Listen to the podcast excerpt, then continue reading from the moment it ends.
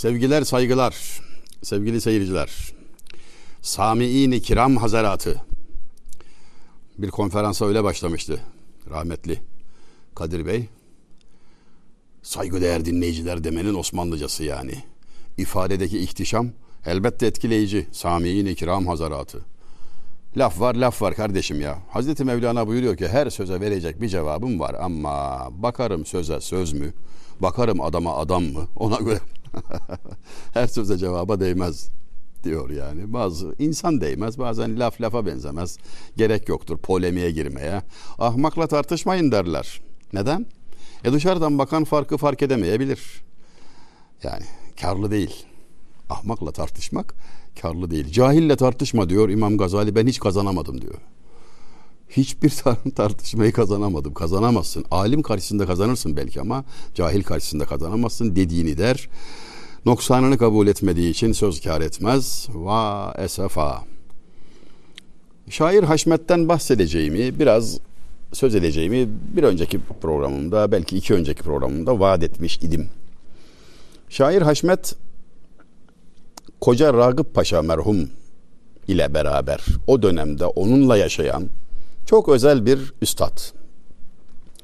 Yani mısralarına baktığınız zaman şimdi birkaç örnek vereceğim.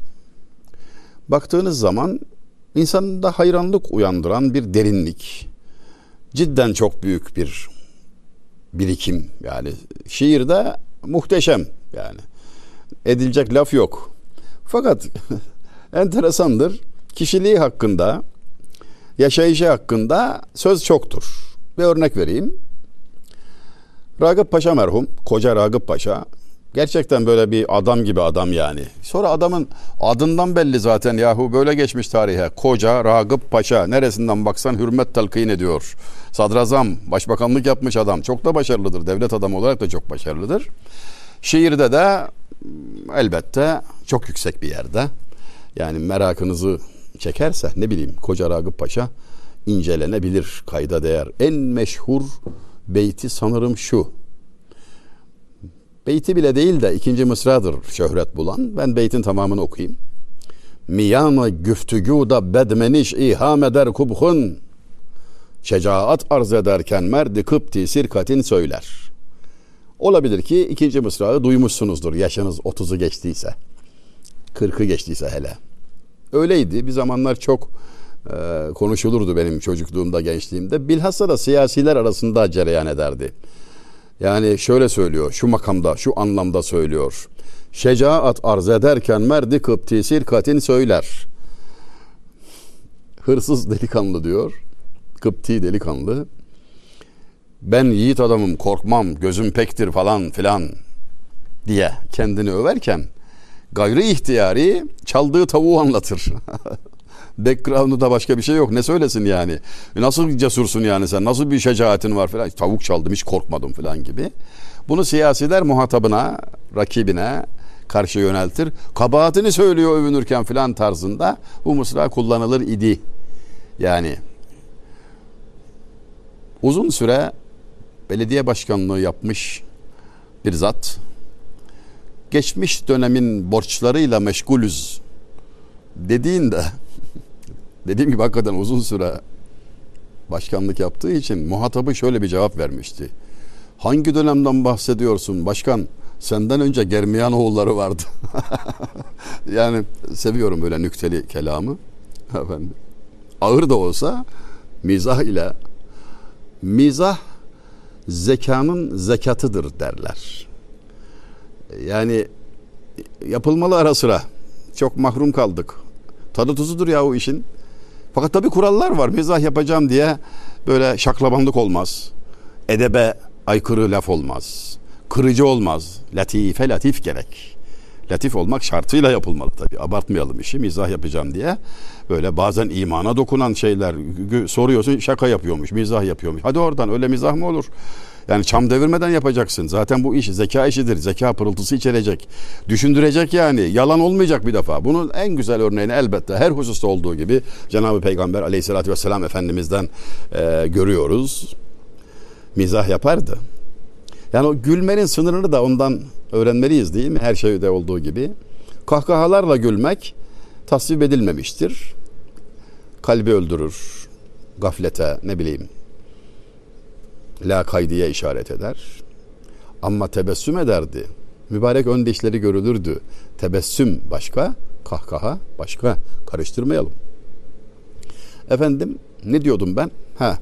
Koca Ragıp Paşa merhumu bu beytiyle hatırlamak mümkün. O kadar ki öyle yerleşmiş ki bir gün Osmanlı aydınları arasında bir sohbet sırasında Laleli'de öyle çok güzel yerler varmış. Sonunun sonunu ben bir göz gördüm.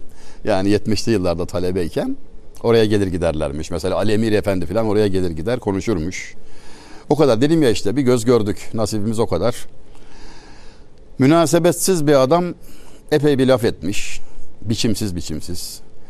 Efendim saygı sınırlarını zorlayan çiğ laflar ediyor. Bir de kabahatiyle övünür gibi bir hal var yani. Övünüyor falan ama aslında çirkinliğini izhar ediyor. Meyana güftügüda bedmeniş iham eder kubhun mısrağı da öyledir yani. Sohbet sırasında çirkinliğini ortaya döküverir adam diyor. Şecaat arz ederken Merdi Kıpti Sirkatin söyler. O münasebetsiz adamın konuşması sırasında bir zarif şöyle demiş. Laleli'de yatan merhuma Allah rahmet eylesin. Laleli'de yatan meşhur Koca Ragıp Paşa. Onun adını anmakla hatıra gelen Mısra şecaat arz ederken Merdi Kıpti Sirkatin söyler. Böylelikle dolaylı olarak adam bize onu hatırlattı.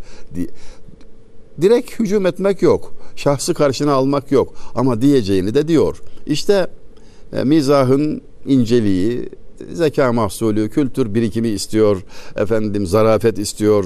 Yani kendine hakim olmayı gerektiriyor. Mizah yapacağım diye e, çam devirmek yok.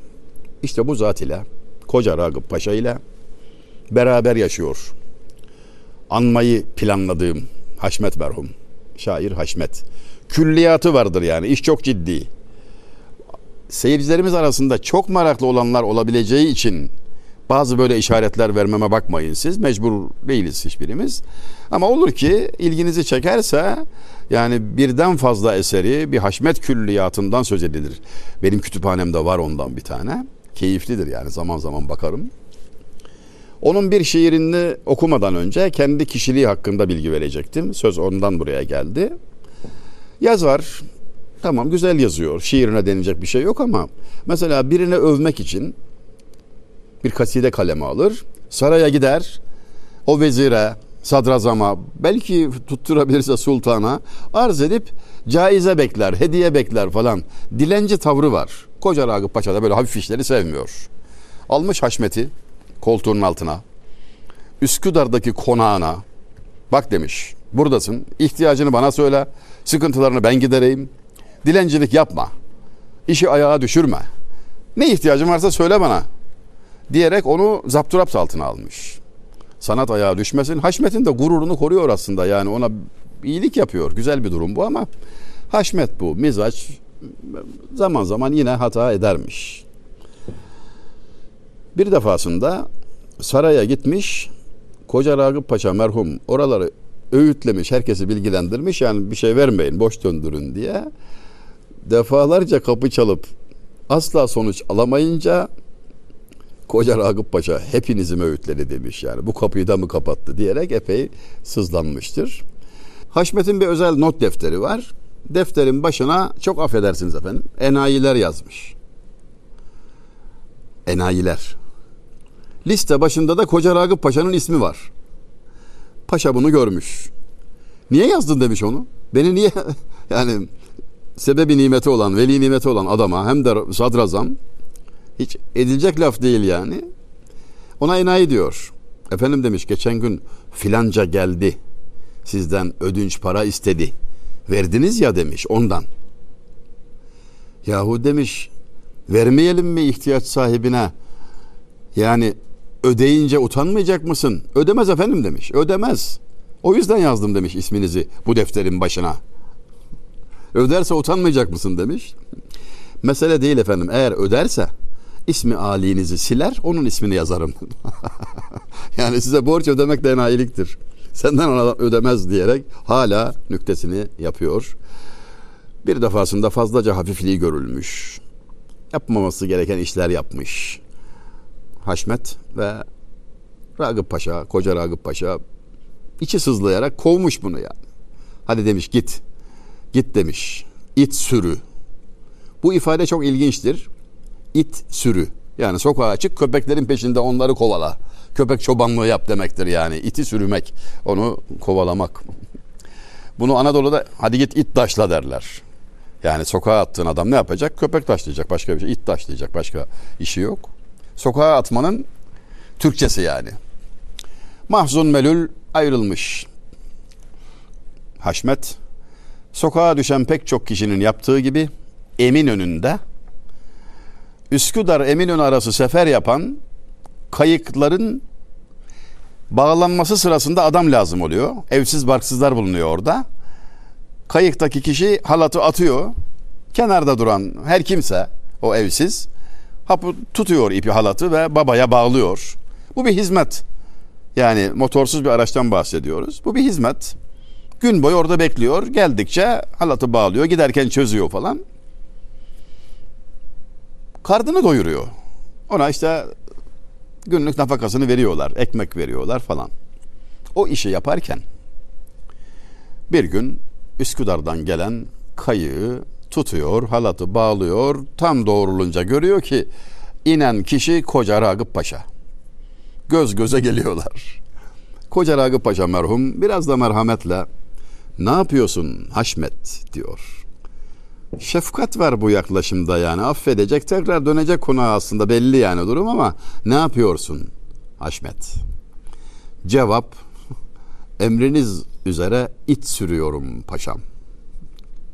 Yahu biraz önce kayık sürüdü. O işin adı da o kayık sürümek. Sürüdüğün kayıktan çıkan koca Ragıp Paşa it sürü dedi diye o sözün intikamını alıp it sürüyorum deyip gayet dolaylı bir biçimde ama asla başka anlama gelmeyecek şekilde paşaya bu hakareti yapmanın ne alemi var. İşte dil böyle bir şey. Orada da tutamıyor. Huyu müsait değil. Buna rağmen tebessüm etmiştir Ragıp Paşa. Affı da sağlanmış tekrar dönmüştür. Böyle bir kimlik ve kişilikten bahsediyorum. Onlarla beraber yaşayan üçüncü bir şair hanımefendi Fıtnat Hanım mutlaka anılmalı. Yani öyle bir dönem ki 18. yüzyıl sonları 1750'ler 60'lar 70'ler kesin tarih veremeyeceğim ama bu zaman aralığında olduğu kesin. Fıtnat Hanım, Şair Haşmet, Koca Ragıp Paşa. Üçü de birer dahi. Yani eserlerine bakarsanız görecek ve bana hak vereceksiniz. Boşu boşuna övmüyorum yani. Fıtnat Hanım oldukça güzel bir kadın. Fakat talihsiz, ızdıraplı bir hayatı var. Kocası Şeyhülislam, babası Şeyhülislam. Birkaç evlilik geçirmiş, asla yüzü gülmemiş. Kocasının kıskançlığı sebebiyle çekmediği kalmamış falan. Allah çirkin şansı versin derler. ızdıraplı bir hayatı var. Güzel ama bahtı, bahtın güzel olsun. Analar evladın tahtını yapar, bahtını değil derler ya. Üçü arasında böyle zaman zaman latife eksik olmuyor. Bir gün Üsküdar'da yokuştan aşağı doğru giderlerken Fıtnat Hanım önde, Koca Ragıp Paşa Haşmet'le beraber arkada. Koca Ragıp Paşa dediğim gibi ağır adam. Öyle kolay kolay e, bu tür takılmalara bulaşmaz ama nedense artık orada o da bir e, haylaz tarafı devreye girmiş. Haşmet önümüz sıra Berdel Acuz var deyivermiş. Berdel Acuz. Koca karı demektir. Berdel Acuz. Yaşı müsait olanlar Mart ayının sonlarında esen bir koca karı fırtınası eski adıyla Berdel Acuz rüzgarını hatırlarlar. Takvimlerde hep yazardı. İşte bir hafta sürüyor Berdel Acuz. Nasıl bir fırtınadır? Bu biraz serttir. Filizleri kırar, erken açan çiçeklere zarar verir falan. Pek de arzulanmaz yani onun için. Ancak şu da var ki aradan 15-20 gün geçer. Bu defa başka bir rüzgar. Sitte-i sevr. Sevr öküz demektir. Boğa demektir. Sitte-i sevr. Güneş boğa burcuna girdiği için o günlerde esen o tatlı rüzgarın adı budur. Sitte-i sevr. Altı gün süren öküz rüzgarları. Latiftir, yumuşaktır daha önce gelen Berdel Acuz'un Yıprattığı fidanları da tamir eder. İyidir yani arzulanır. Bahar müjdesidir. Nisan'ın ortalarına doğru geliyoruz artık falan. Böyle bir realite var yani. Herkes de biliyor. Onu kastetmiş gibi yaptık Hoca Ragıp Paşa. Çünkü Mart'ın sonuna yaklaşıyoruz. Önümüzde Berdel Acuz var dedi. Hani sorsanız diyecek ki gele yaklaşan fırtınadan bahsediyorum. Halbuki sözün gelişi önü sıra giden şaire Fıtnat Hanım'a koca karı dedi. Dedi mi? Dedi. Al sana mizah, al sana şaka. Şimdi cevap ne olacak? Fıtnat Hanım istifini bozmadan gam değil peşi sıra sevr gelir diyor. Yani arkasından sitteyi sevr gelir der gibi yapıp bu defa söz sahibine sevr demiş oluyor. Sevr öküz demektir arz ettiğim gibi. Süfyan-ı Sevri Hazretleri büyük fıkıh alimi İmam-ı Azam Ebu Hanife Hazretleri ile çağdaş ve arkadaş. Neden Sevri? Yani Sevr'le, öküzle ne ilgisi var? Hikayesi kısaca şudur. Bir gün mescide girerken olması gerektiği gibi sağ ayakla girmiş. Mesele doğru, sünnettir. Mescide sağ ayakla girilir, sol ayakla çıkılır. Tamam, burada bir yanlış yok. Ancak alışkanlık icabı sağ ayakla girivermiş. Yani şuur noksanı var, gaflet var. Bende kusur sayılmaz ama onda sayılıyor demek ki ve kendisine bir ses geliyor. Ey öküz! Buraya bir hayvan da girse ya sağ ya sol ayağıyla girer. Eğer şuur yoksa, tefekkür yoksa ne kıymeti var? Doğru yaptığı davranış bile niyetten yoksun olduğu için tenkide maruz kalıyor. Öyle ya, ebrarın iyilikleri mukarreblerce günahtır der büyükler. O anı unutmamak, gafletten mahrum kalmış olduğu o anı unutmamak adına kendisine diğer bütün sıfatları, nispetleri söyletmeyerek Süfyan-ı Sevri denmesini istemiştir ve tarihe böyle geçti mübarek hazret Süfyan-ı Sevri. Şiir okuyacaktık, söz uzadı, artık okuyalım. Yani mizacından da bahsettiğim, karakterinden de bahsettiğim aslında bir şeyden daha bahsedesim var. Bir gün de Fıtnat Hanım'a Haşmet takılıyor yalnızken. Kurbanlık alacakmış da Mısır çarşısında dolaşıyor. Kurbanlık alacak. Kurban bayramına birkaç gün var. Haşmet sululuk yapıyor. Tabir mazur görülsün. Sultanım kurbanınız ben olayım diyor. Madem kurbanlık arıyorsun. Hani ben olayım kurbanınız diyerek tam bir sululuk yani. Cevap çok şıktır Fıtnat Hanım merhumeden.